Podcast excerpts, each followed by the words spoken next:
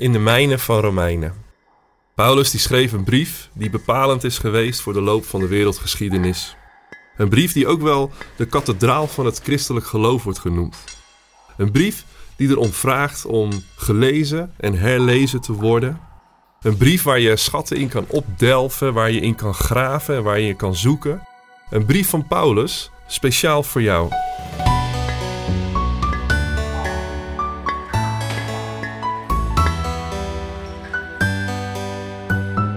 We gaan in deze podcast mijnen in Romeinen.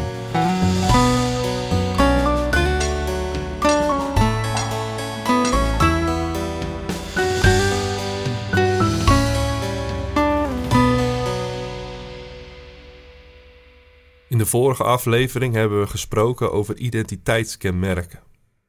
Vandaag gaan we verder lezen en beginnen we aan het derde hoofdstuk in de Romeinenbrief. Wat hebben de Joden dan nog voor op anderen? Heeft het enig nut dat men besneden is?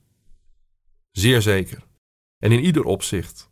In de eerste plaats zijn het de Joden aan wie God zijn woord heeft toevertrouwd. Maar wat is daarvan de zin? Wanneer sommigen van hen God ontrouw zijn geworden, zal het dan geen einde maken aan Gods trouw? Natuurlijk niet. Ieder mens is onbetrouwbaar, maar God is betrouwbaar, zoals ook geschreven staat. U blijkt rechtvaardig wanneer u recht spreekt. U overwint wanneer u vonnist. Maar wanneer het onrecht wat wij doen bewijst dat God rechtvaardig is, is het dan niet zo?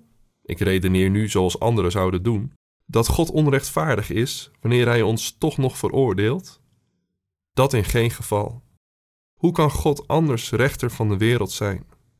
Maar wanneer door mijn onbetrouwbaarheid Gods trouw alleen maar toeneemt en daardoor ook zijn eer, waarom word ik dan nog als een zondaar veroordeeld?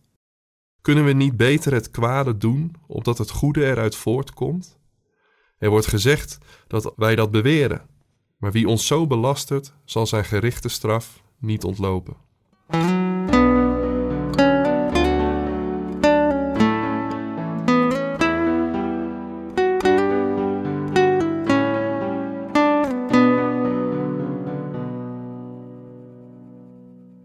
Gisteren hebben we nagedacht over identiteitskenmerken. Hoe ze kunnen verworden tot de maat waarmee gemeten wordt. Paulus relativeerde de besnijdenis als het grote identiteitskenmerk van de Joden binnen de gemeente van Rome en wees in plaats daarvan op het werk van de geest, in het innerlijke, waarvan de besnijdenis een uiterlijk teken is. Zonder dit innerlijke werk van de geest is het uiterlijke teken leeg. Zijn identiteitskenmerken dan niet belangrijk? Je zou na het betoog van Paulus van gisteren zeggen van niet. Wat gisteren echter gezegd moest worden, moest gezegd worden. Waar identiteitskenmerken heersen over datgene wat ze representeren, verliezen ze hun zeggingskracht. Maar dat wil niet zeggen dat ze waardeloos zijn. Paulus stelt dat de besnijdenis zeer zeker zijn nut heeft, in alle opzichten. De besnijdenis maakt Gods onvoorwaardelijke keuze zichtbaar voor het nageslacht van Abraham. Dit werd zichtbaar in het feit dat God aan hen zijn woord heeft toevertrouwd. God heeft aan hen zijn woord, zijn logos, toevertrouwd. Hiermee bedoelt Paulus de Tenach, de boeken van Mozes en de profeten, wat wij nu als Oude Testament overgeleverd hebben gekregen. Het zijn de boeken die zichtbaar maken hoe God het volk Israël heeft uitgekozen. God zei voorafgaand aan de sluiting van dat verbond: Als je mijn woorden ter harte neemt en je aan het verbond met mij houdt, zul je een kostbaar bezit voor mij zijn. Kernwoord in het houden van een verbond is trouw. Denk aan een huwelijk als verbond van trouw. We trouwen met de ander, dat wil zeggen, we beloven trouw te zijn. In de verse vanaf 4 is het precies dit sleutelwoord waar Paulus betoog op gestoeld is. Samenvattend zet hij hier de ontrouw van sommige van zijn Joodse volksgenoten tegenover de trouw van God. Hoe ontrouwer het volk, des te meer blijkt de trouw van God.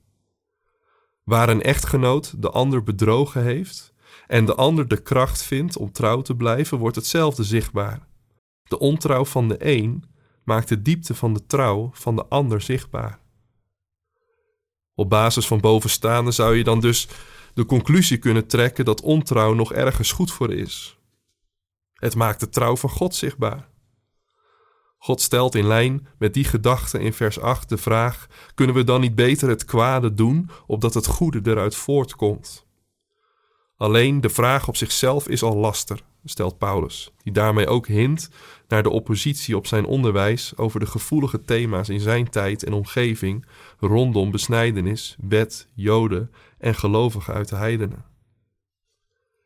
Paulus verenigt joden en gelovigen uit de heidenen onder het oordeel van God, door aan degene met een streepje voor duidelijk te maken dat het streepje voor geen verschil maakt in Gods oordeel, maar alleen tot voordeel strekt van degene die leven naar wat ze door God gegeven is.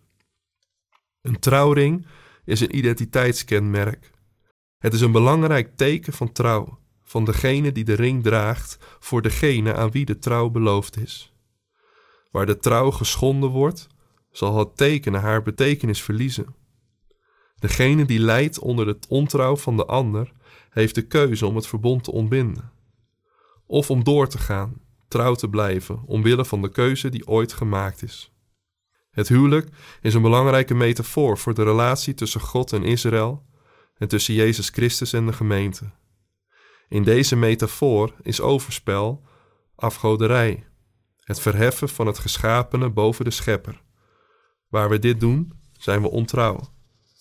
Zoals ontrouw in een huwelijk leidt tot beschadigingen in de harten van de betrokkenen, zo leidt ontrouw aan de woorden van God tot beschadiging van onszelf. Maar God blijft trouw, ook in onze gebrokenheid. Hij houdt vast waar we loslaten. Hij zoekt ons waar we hem kwijt zijn geraakt. Hij zal het goede werk volbrengen in ons waar hij mee begonnen is, want hij is trouw, waar wij ontrouw zijn.